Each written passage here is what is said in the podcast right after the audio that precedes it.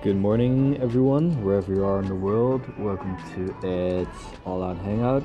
Um, in this episode, I'm trying to transfer the well, holiday feeling um, to you guys. Um, so, in order to do that, I decided to create an episode about you know, dreamy music, music to dream away to.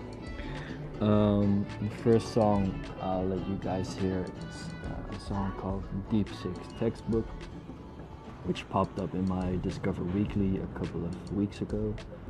And uh, you know, I, I instantly liked it because there's this you know feeling of psychedelic. It's this calmness. There's a lot of things to to discover in the song as well. And while you're at it, I hope it gives you this summery, dreamy vacation vibe,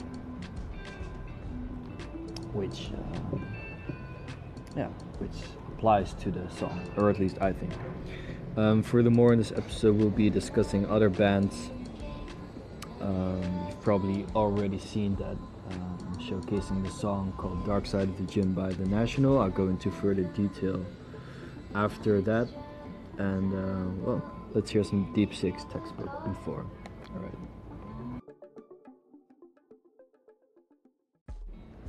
So that was the song Deep Six textbook by the band Let's Eat Grandma.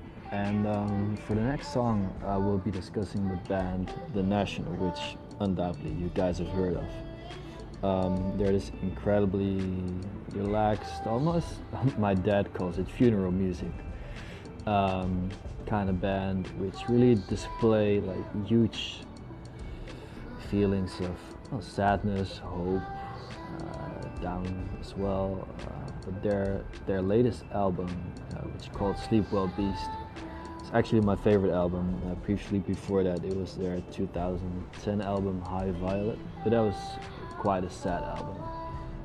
Um, although like songs like Lemon World and England display uh, segments of hope in it as well.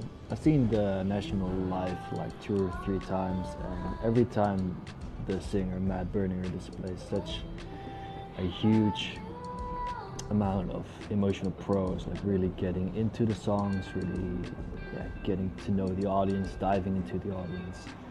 Basically, he's giving it all he's got every show, and that really inspires me. Um, however, this is a song called Dark Side of the Gym, and the reason why I picked this song is because it starts really slow. It just starts like like a dance you're having with someone, and gives me this really warm, fuzzy feeling of being in love. And uh, you know that's that's specifically why I chose this song of their latest album, Sleep Well Beast. Um, I hope you like this segment, and um, yeah, we'll continue on after that. Um, the next song that I'm actually going to let you guys hear is a song by Yo La Tengo. It's an uh, indie rock band that has been dated since 1984. And this song actually uh, popped up in one of my Discover lists uh, last week. Uh, I gave it a couple of spins. I think it's from their upcoming album.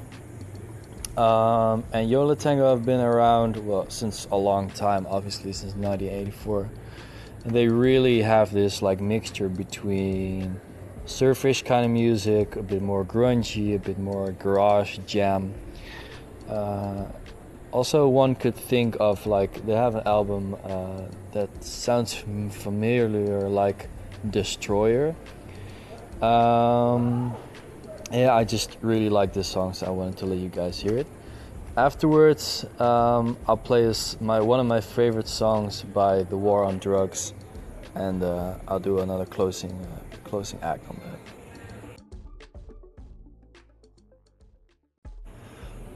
So, strangest thing is actually um, the next song that I'm gonna play for you. It's gonna be the last song of this episode, and it's from The War on Drugs' latest album called um, A Deeper Understanding. And I just, I just love the band. I love the the last album that they made. Um, I've been a fan of The War on Drugs. I think since their 2011 record Slave Ambient, where they had more like uh, ambient landscapes, more instrumental parts, more spherical. definitely uh, a great album to dream away to. Um, but I just I really really like their latest album. Um, I've seen them live only once last year in Amsterdam, uh, but Strange Thing just hits the spot for me. It's dreamy.